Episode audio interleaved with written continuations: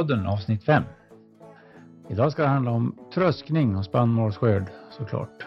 Vi ska ha ljudfrågan och vi ska ha en återblick, prata med en tröskbonde och såklart på slutet då som vanligt en musiklista. Jag heter Per Westberg och det är välkommen till Maskinpodden avsnitt 5.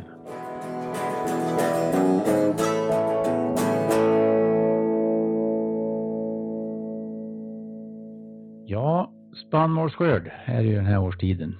Vissa i Sverige är klar och vissa har fått förhinder av det här enorma regnvädret som drabbar oss nu här i mitten av augusti. Och jag kan tänka mig att vissa har inte ens haft möjlighet att börja än. Eller det vet jag att det är så. Men den här årstiden då, då är det, det är nu liksom de här ganska, tycker jag, spektakulära häftiga maskinerna rullar, rullar ut och syns och gör sin grej. Augusti, september, oktober och ibland november också för. Och för att förklara då vad, vad det är för någonting, en tröska, så ska vi Idag ska vi göra lite tvärtom. Vi ska börja med återblicksavsnittet och det går ut på för mig att förklara för någon som kanske inte vet vad det är då, vad en tröska är. Så först ut idag är återblicken faktiskt.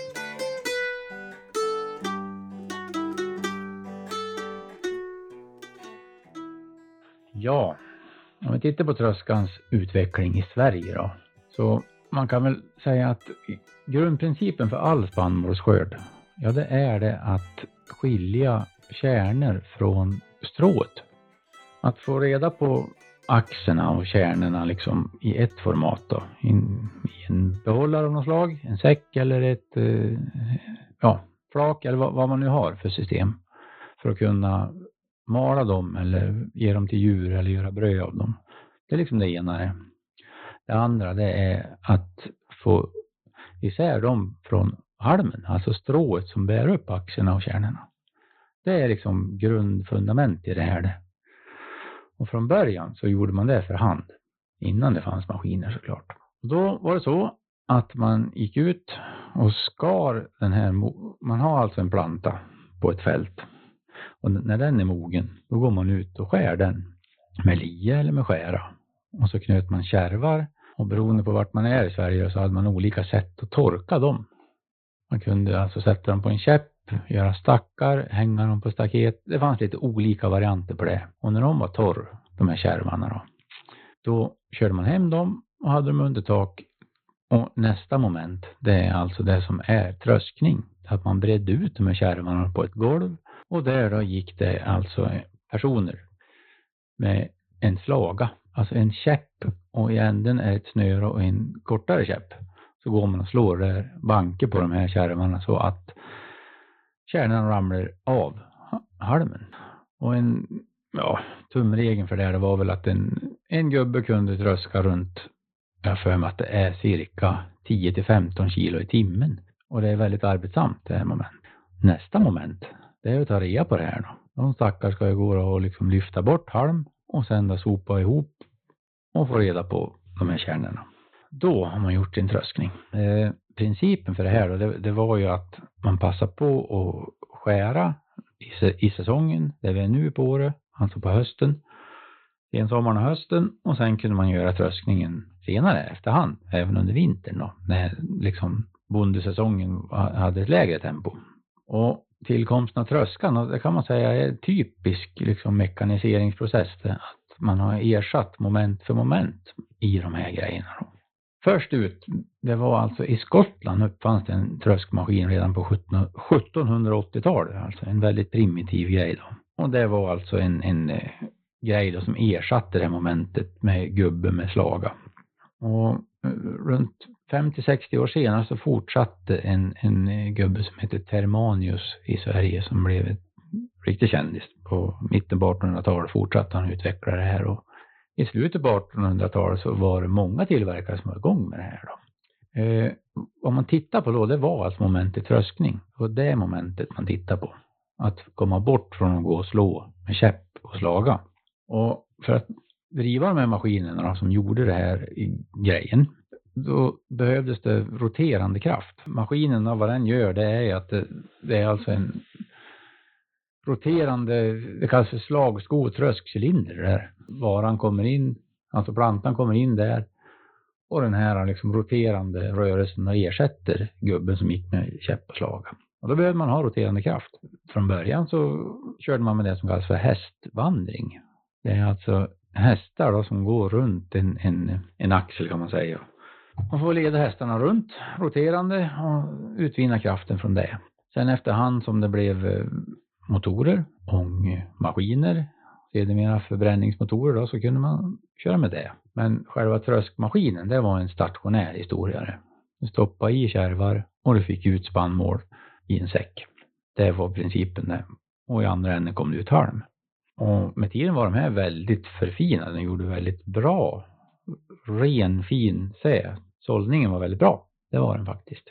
Eh, nästa uppfinning då, det var att ersätta det här med skärningen. Och från början var, var det alltså en markdriven grej som man drog efter hästen som kallas för självavläggare. Som var alltså liksom en, ja, en kniv som skar av och senare utvecklades det till det som kallas för självbindare. Som var alltså en skärande, kärvmakande maskin kan man säga. En kärvmaskin som drogs av häst.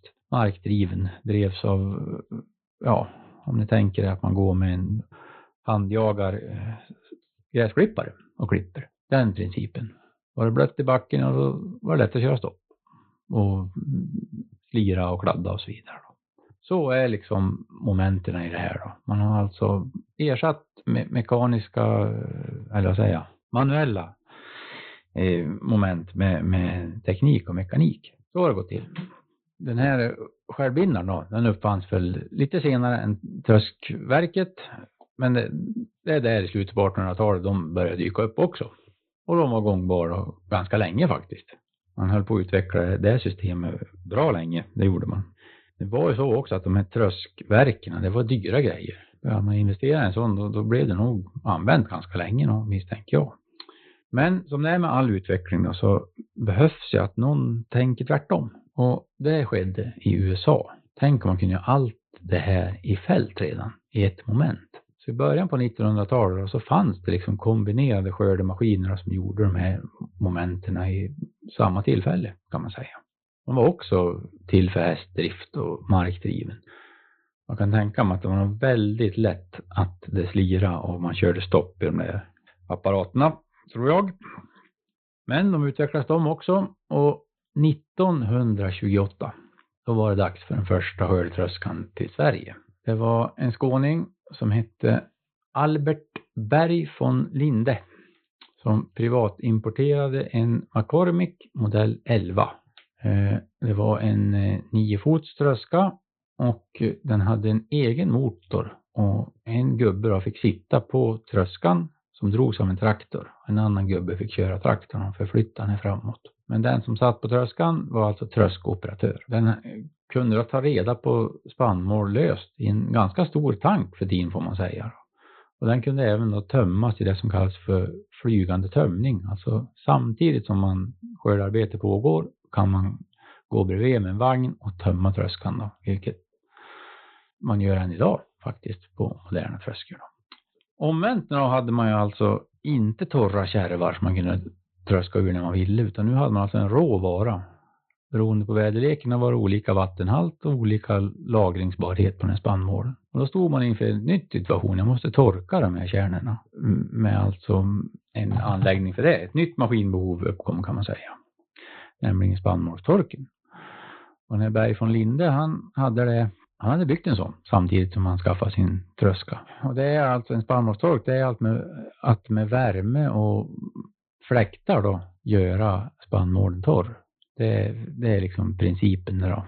Sen kan det vara olika stort och olika ja, i byggnader eller i vagnar eller ja, det finns olika lösningar på det också. Det är väl ett helt eget avsnitt det kan man säga. Men han löste det hade en spannmålstork.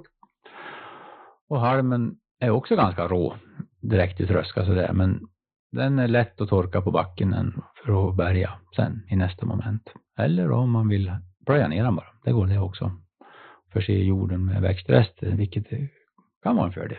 Så är det. Uh, utvecklingen efter andra världskriget är liksom från 1945 och, och, och framåt var liksom väldig den vad det gäller skördetröskor i Sverige. jag tror det steg på fem år från 400 stycken till över 5000 skördetröskmaskiner. Då. Och här då får vi liksom ett, en, en delare kan man säga, det, alltså boxertröskor eller självgående skördetröskor. En boxertröska det är alltså ett redskap det till en traktor. Traktorn driver och förflyttar tröskan. Ungefär som en, eh, ja, många andra jordbruksmaskiner. Ett redskap helt enkelt. Upprustningen på traktorsidan var ju enorm vid den här tiden och då var det naturligt att liksom traktorn även skulle då betjäna en skördetröska. Eh, det andra det är alltså en maskin som går för sig själv med egen framdrivning, en självgående skördetröska. Principen för båda är ganska lika. Vi har två sorters tröskmaskiner. Den ena kallas för skakartröska och den andra sorten kallas för rotortröska. Riktigt stora tröskor, då är det rotortröskor. Vi ska återkomma till det, men nu ska jag liksom förklara principen i en skakartröska. Då. Oavsett om det är boxerad traktor eller självgående så är det alltså ungefär samma system.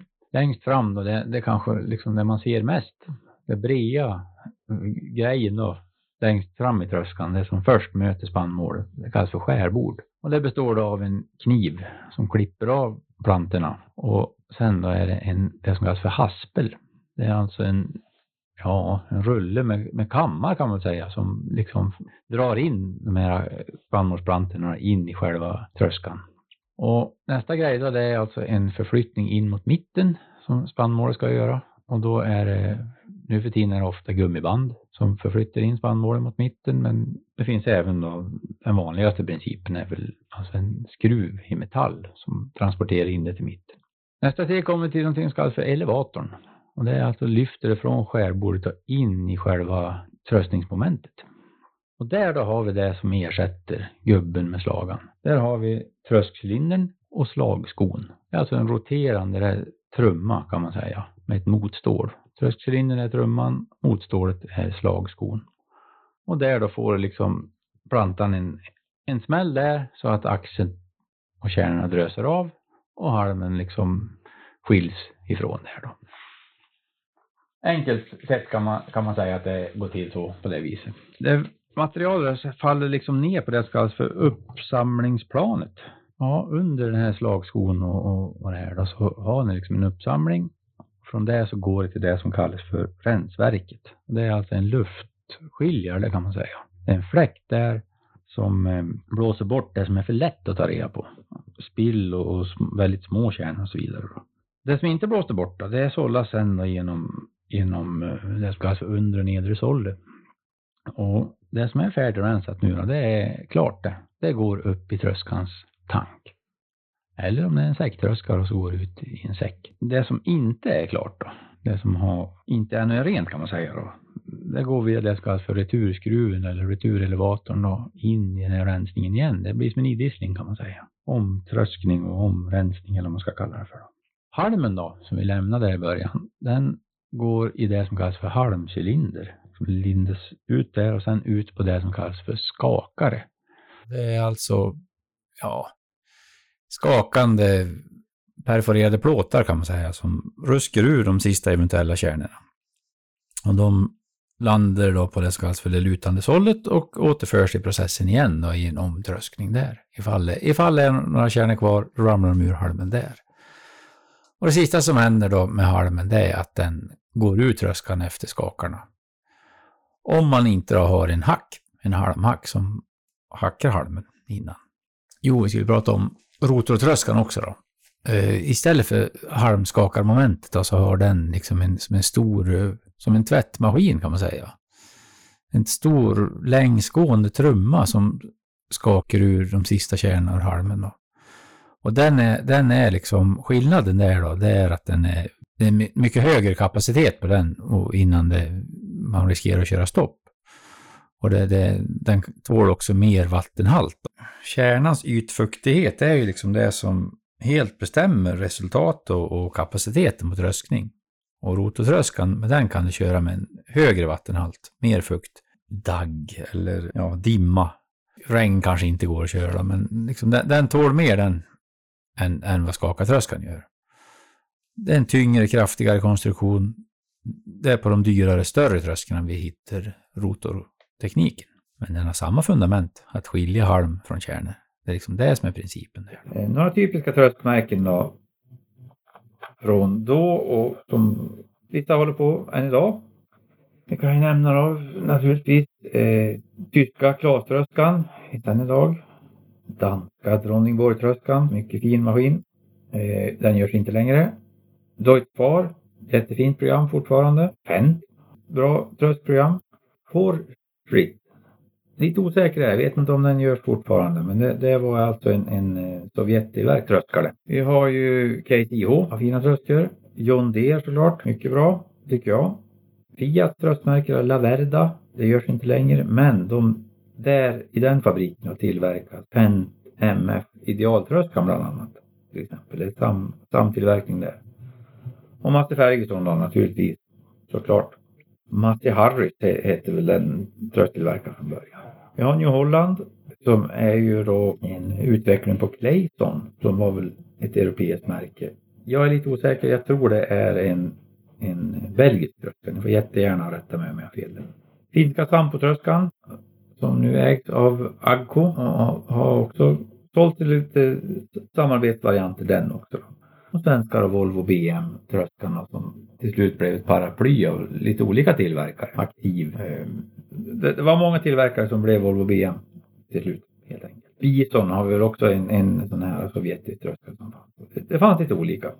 Det intressanta med det här tycker jag är att Ja, tekniken har blivit så otroligt förfinad. Idag då har vi ju alltså så liksom XL av allt det här. Även om principen är lika så är tekniken så optimerad nu för tiden så att det är, ja, det är ganska häftiga grejer. Till exempel då en sån grej som att skärbordet behöver kunna luta.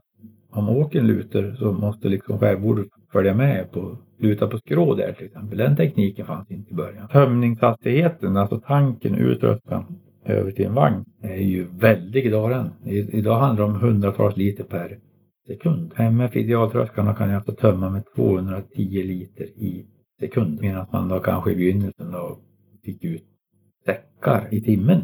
Alltså det, det var, det handlar om det antal säckar i timmen pratar man om från början. Så principerna är lika men de är väldigt häftiga. Jag hoppas att ni som har lyssnat har fått klart för er lite grann om tröskor och tekniken i dem. Jag Alltså, jag blir så glad när jag får bilder.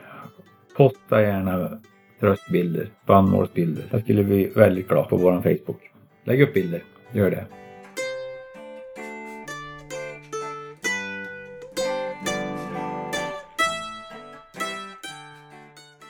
Nu ska vi prata med en eh, maskinkunnig bonde ifrån eh, Dalarna. Så här lät det när vi fick oss en pratstund.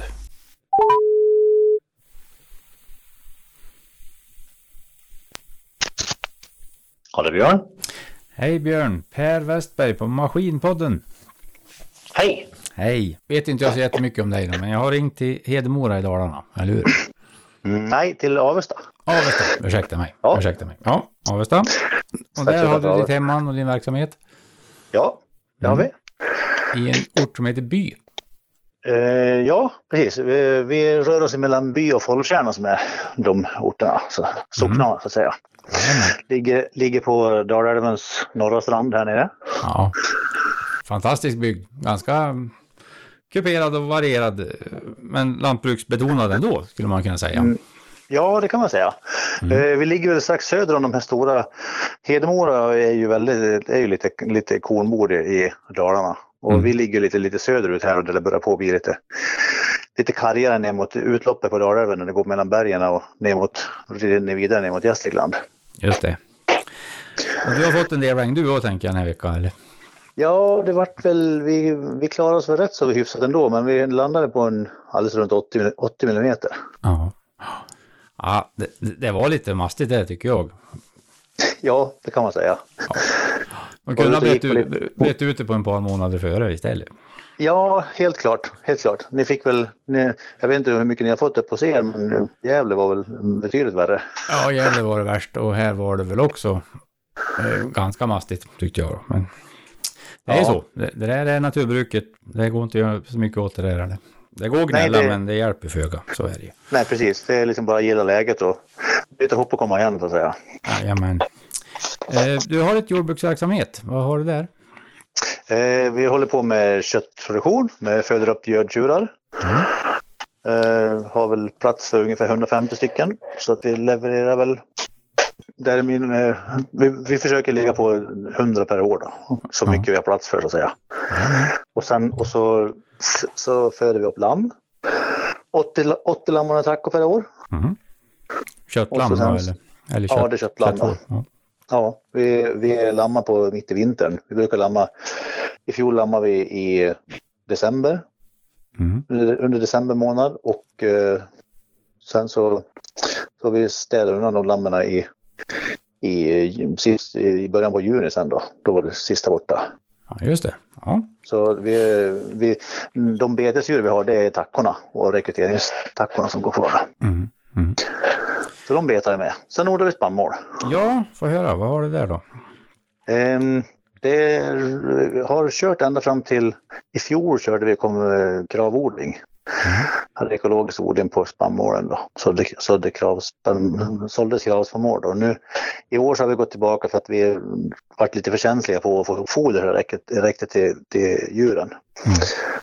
Och ja, men tyckte inte att det, tyckte inte att det var tillräckligt odlingssäkert för våran del då. Jag var, inte, jag var inte tillräckligt vass på odlingen helt enkelt så att eh, fick, när, när, det spelar ingen roll om, man tjänar, om det går bra med, med med eh, ekologiska odlingen i ekonomi, ekonomin om man i alla fall måste köpa massa, massa strö och foder sen i slutändan. Så då, då blir det inte något bra i alla fall.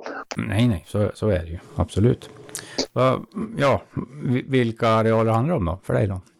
Eh, vi, har, ja, vi har ungefär 100 hektar i år. Är det. Mm. 20 hektar höstsäd och resten vårsäd. Mm. Då står vi lite grann som blandsäd som vi kör som grönfoder då. Ja, just det. Så det är väl en 17-20 hektar ungefär. Mm. Och mm, höstsäden då handlar det om vete eller? Ja, det är vete. Mm. Hur gick det då? Eh, det ser, eh, jag hann inte tröska någonting innan regnet. Nej. Men eh, det ser fint ut i alla fall och, och, nu efter det här regnet så de, de här sista vändarna regn här så börjar det på att lägga sig lite grann där så det, det är väl ett tecken på att, det var, att, det var, att man låg bra till på gödslingen. Det var, det, det var dubbelkört, det, var, det, det har det lagt sig lite grann nu så det, då, då, får man väl se, då får man väl se det som att det var lagom med gödslingen. Jajamän. Ja, eh, och då ska du fram med en tröska. Hon kanske är klar, det vet jag inte men Ja, faktiskt så är hon klar. Ja. Ja, jag ställde ut, jag ställde ut uh, skärbordet på åkerkanten här för, för, för ett par dagar sedan, då, strax innan det började regna. Ja, du inte på att det var regn om du gjorde så? Eller? Ja, det var, det, var, det var ett bra sätt att få fram regnet. Ja. Men tröskan står kvar hemma på gården. Och det, ja, det. Ja, vad, för, vad är det för tröska då? Eh, vi har, vi har för, varv, för till, till i år så har vi, har vi, eh, vi åker Klas-tröska. Så mm. vi har en Klas 202 Mega. Just det. Mm. Jag har haft eh, en 204 tidigare som jag samägde med en kumpan. Mm. Och, eh, och, eh, men eh, det, det, vi har blivit större, större och större och, och det, det, det, funkar inte. När, sen, sämre och sämre med hil tröska så, att, så att då, då så, nej, men då, då skaffar vi oss en egen istället. Jajamän. Så då köpte vi en som var, den är snäppet mindre och snäppet äldre men eh, jag vet ju, Klas har jag levt med sedan 2012 och tycker att det är bra grejer. Så att, ja. Och det är, det är en sexa den då eller? En sexa motor ja. Mm. Mm. Och eh, femskakare. Ja. Och eh, det, det, det, man får om man går upp på den här megamodellen det är att man får den här APS-cylindern, dubbla, dubbla cylindrarna. Mm, precis. Och den, skärbord på den, vad har du där då? Är det en... 17. 17, 17 fot. Ja. ja. Och det, det, hade, det hade på den andra också och den, den var ju storleken större, det var en 204. Mm. Uh, den var lite längre skakare, lite längre uh, uh, frånskiljningsyta på. Mm. Mm, sol, och, och, och sol så här. Så att verket är snäppet mindre på den här, lite mindre tank på den också. Så, här. så hela tröskeln är kortare så har jag sett men, men bordet är lika stort. Så att det, ja, just det. Så vi får se, man kanske får dra ner farten lite grann då, men å andra sidan, den, den, å andra sidan den, den andra, en 204 med 17 fots bord på, den kunde man åka i princip hur som helst med. ja, jag skulle tro det. Det blir den kombinationen ja. då. då. Mm. Ja, precis. Mm. Det var nästan så att det, det var nästan sämre i, i, i spill och trösk resultat om man, om man inte lät den jobba för fullt. Jaha, du, fick, ja, du optimerade när, när du körde på lite liksom så? Det ja, det, ja, det var faktiskt, det var, det var faktiskt bättre då. Mm. Ja. Med ren, renare vara och sånt där när man, när man liksom kan belasta den och, och, och ha den gå full helt enkelt. Ja. Ja, hur ser det ut för dig? Du börjar väl antar jag med höstsäden då? Det är väl det första du ska ta då? Och sen vad blir det, det sen? Bli. Eh, sen blir det nog, sen blir det havre. Mm. Vad är det till fodersäd då eller vad, vad, gör du med ja, den? Det är, ja, det, vi, vi, vi kör en havre som heter Symphony. Mm. Och eh, den har, vi, den har vi kört även tidigare som eko och den gick ju som gry, både gryn och foder. Då, så, att den, när så går den in då, så då blir det grynhavre mm. av han. Ja. Vi, kommer att, vi kommer att skicka iväg allting i år också, i stort sett allting. Då, för vi har ingenstans att liksom göra av och, och ha, målet är att vi ska använda som foder så småningom, så mycket som möjligt. Ja, ja. Men som det är nu då så säljer du spannmål och så sen köper du annat foder. Ja, precis. Och ger djuren. Ja. Ja. Ja, det, det är ju en bra system det är när man inte har byggnader och, och liksom Ja precis, ja. Det, det, är smidigt. Det är smidigt det där att köra in fodervagnen under, under eh, skruven och, och starta den och köra. Ja, visst, det, det, är det. är tråkigt, det, är tråkigt bara varje månad när man ska betala den där foderräkningen. Ja, ja då är den dagen är det tråkigt. ja, och all halm ska du bärga också då? Ja. Mm. Och, helst, och helst lite till, höll jag säga. Ja, precis. Det är ju det som är vårt, en stor del av vårt bekymmer, det, det är att få ihop tillräckligt med halm. Mm. Jo, så är det. så är det för mig själv också. Jag vet hur det är. Hur, ehm, är det rullar då av den eller vad kör du med? Ja, vi rullar den. Mm. Och torkar på backen eller på ja. annat sätt? Ja, nej vi har, ingen, vi har ingenstans att torka. Och det, som det ser ut nu så, så gör vi stackare ute med den och sen lägger över sån här, vad kallar de den? Membranduk. Mm. Den här som ska släppa igenom åt ena hållet. Ja, precis. Det gäller att vända den rätt? Ja precis, jag tänkte också att det, det, står ju this side up ja. och det får man ju se till att följa då. Annars blir det inget bra. Nej, annars är det dåligt. Ja. ja, vad tror du att det kommer att hamna på för skördar i år då? Vad känner du? Liksom, eh, vi får väl se, vi, vi, får se lite grann. Eh, det är svårt att säga. Den, havren, vi har mycket havre, vi har en bit över 50 hektar havre. Ja, det var och den är, den är rätt, eh, det är lite ojämnt är det. Det ja. vart ju sent sått. Mm. Så att um, den, den står och skiftar lite grann. Plus att jag hade lite lite krångel med sågmaskin här med massa, det har pneumatisk sågmaskin med, med, med, slangar och rör i och det började på att vara slitet och det, det, gick av hej hit och det, dit och, och så fanns inte slangarna att få tag i så till slut ja, men man fick försöka pilla ner så gott det gick så att det, det är lite ojämnt. Ja, jo, så, så kan det vara. Så kan det vara. Men det kom, det kom upp fint i alla fall så rätt som liksom så, där då, så att, men det är lite, lite, lite, lite randigt och grejer. Men vad ska man jag har väldigt svårt att säga nu var man, var man kommer för den havran som, som står då, den, den ser ju kraftig ut. Mm. Jämfört med hur det var när vi har ekologiskt så att säga. Ja, oh ja. Annars vore det också, men inte vore så. Ja, precis. Det, det, det, det bör vara kraftigare havre. Men, men nu försöker jag summera. Du hade eh, nästan 20 hektar grönfoder och cirka 20 hektar höstsä och så sa du 50 hektar havra. Ja. Är det något kvar? Lite korn sist eller? Eh, ja, det är det. Ja, jag räknar rätt. Eh, ja, precis. Det är drygt 10 hektar korn också blir det kvar där på slutet. Och då kör du vanlig tvårads eller? Eh, ja, vi kör tvårads här. Mm. Vi, har, eh, vi har kört sexrads tidigare och det var många år sedan vi körde. Då, då, då odlade vi sexrads. Eh, de hade ett maltkorn som hette som eh, gick till enzymmalt, whiskytillverkning. Ja, precis. Mm. Karin hette det. Karin Kanske du kommer ihåg va? Ja. ja.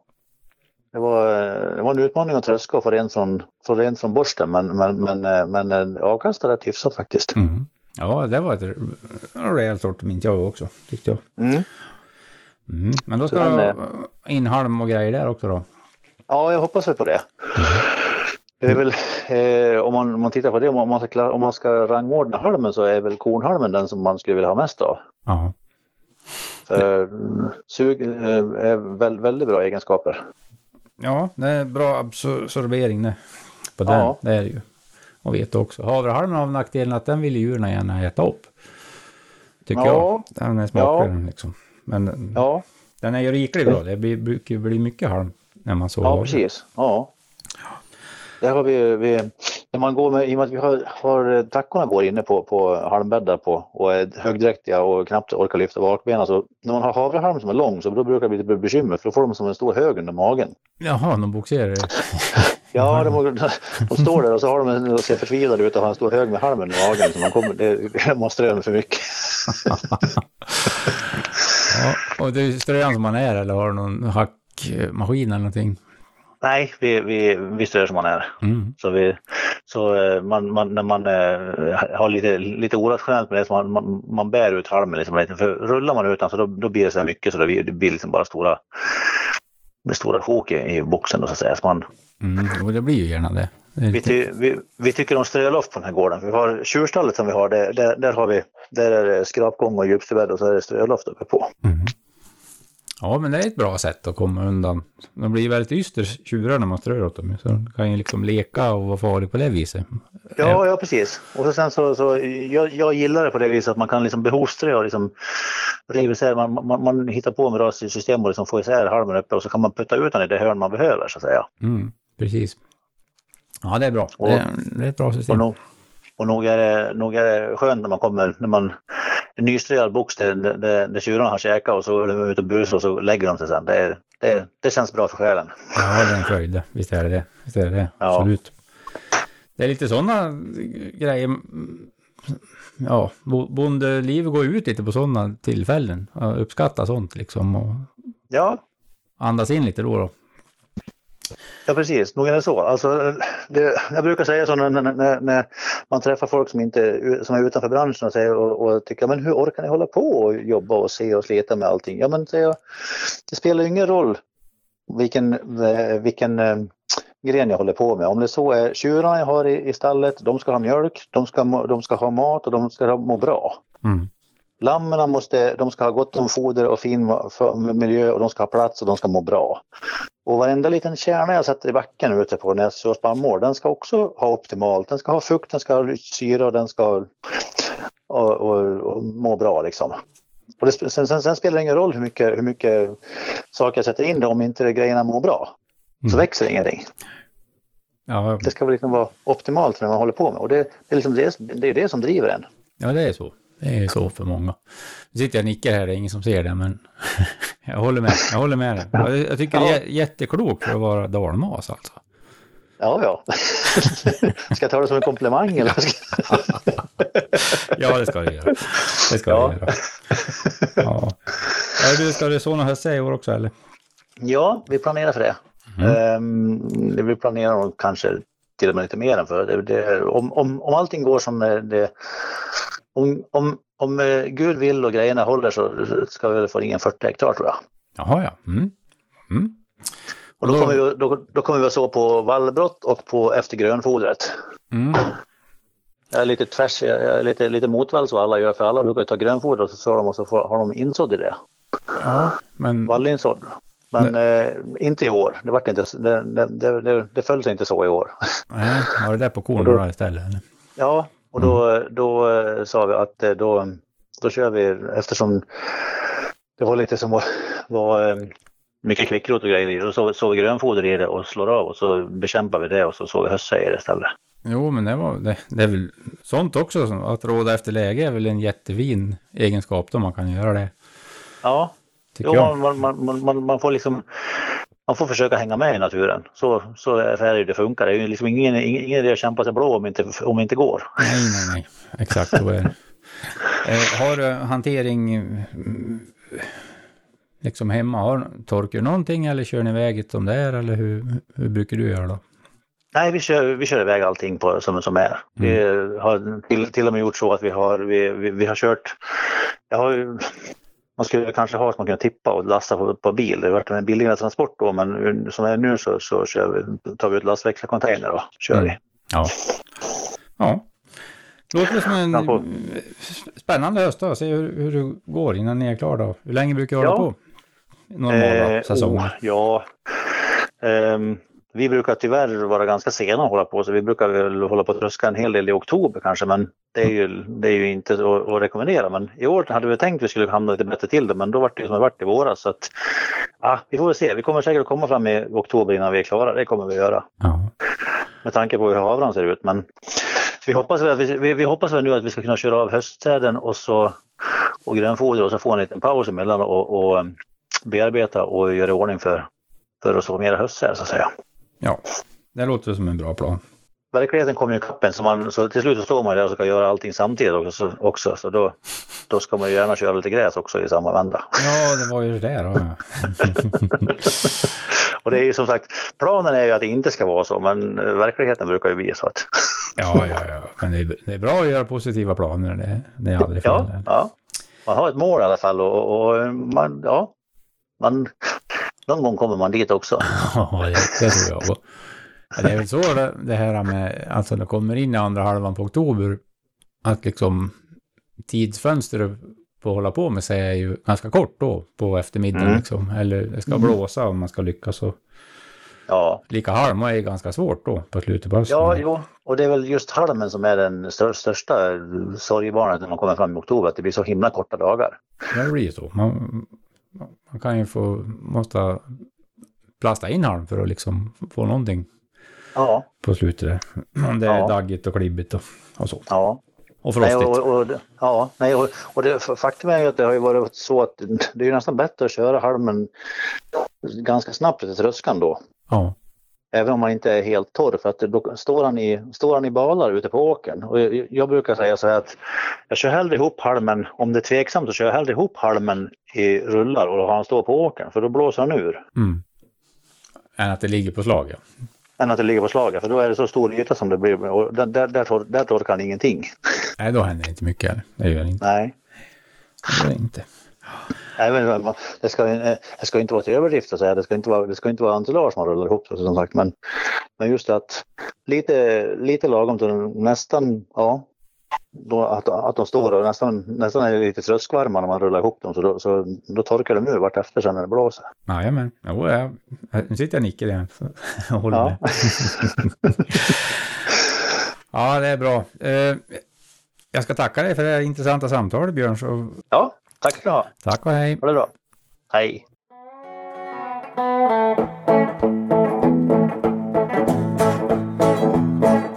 Ja, vi ska ta och kika lite på ljudfrågan från avsnitt 4. Den var inte helt lätt att knäcka den heller då, precis som många andra ljud- ljudfrågor i den här serien har varit. Rätt svar på den, det var alltså en Ford 8730 traktor. Det har ingen gissat, men mest rätt, det har Marcus Lindberg utanför Söderhamn gissat. Han gissar på en Ford TV35 från 1985.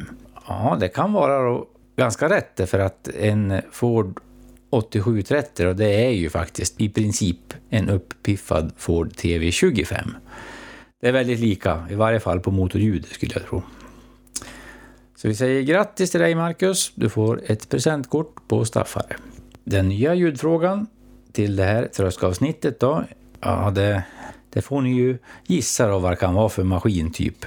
Vi vill också gärna veta då vad det är för fabrikat på den här maskinen som är ute på hösten och kör. Så här låter det.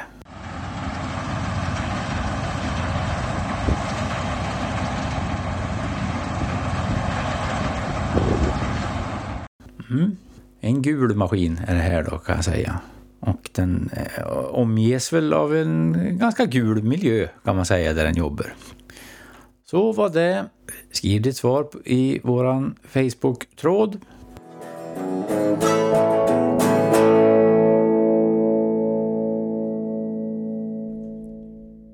Då har vi en ny Spotify-lista då med låtar för tröskning. Perfekt anpassade för det. Den hittar ni på Maskinpoddens Facebooksplats. Mycket nöje med det. Gå in och ladda hem den. Och lycka till och ta hand om er. Det är, ett, det är ett riskfyllt yrke att hålla på med tröskning och så vidare. Kör på så hörs vi senare. Tack för mig. Hej.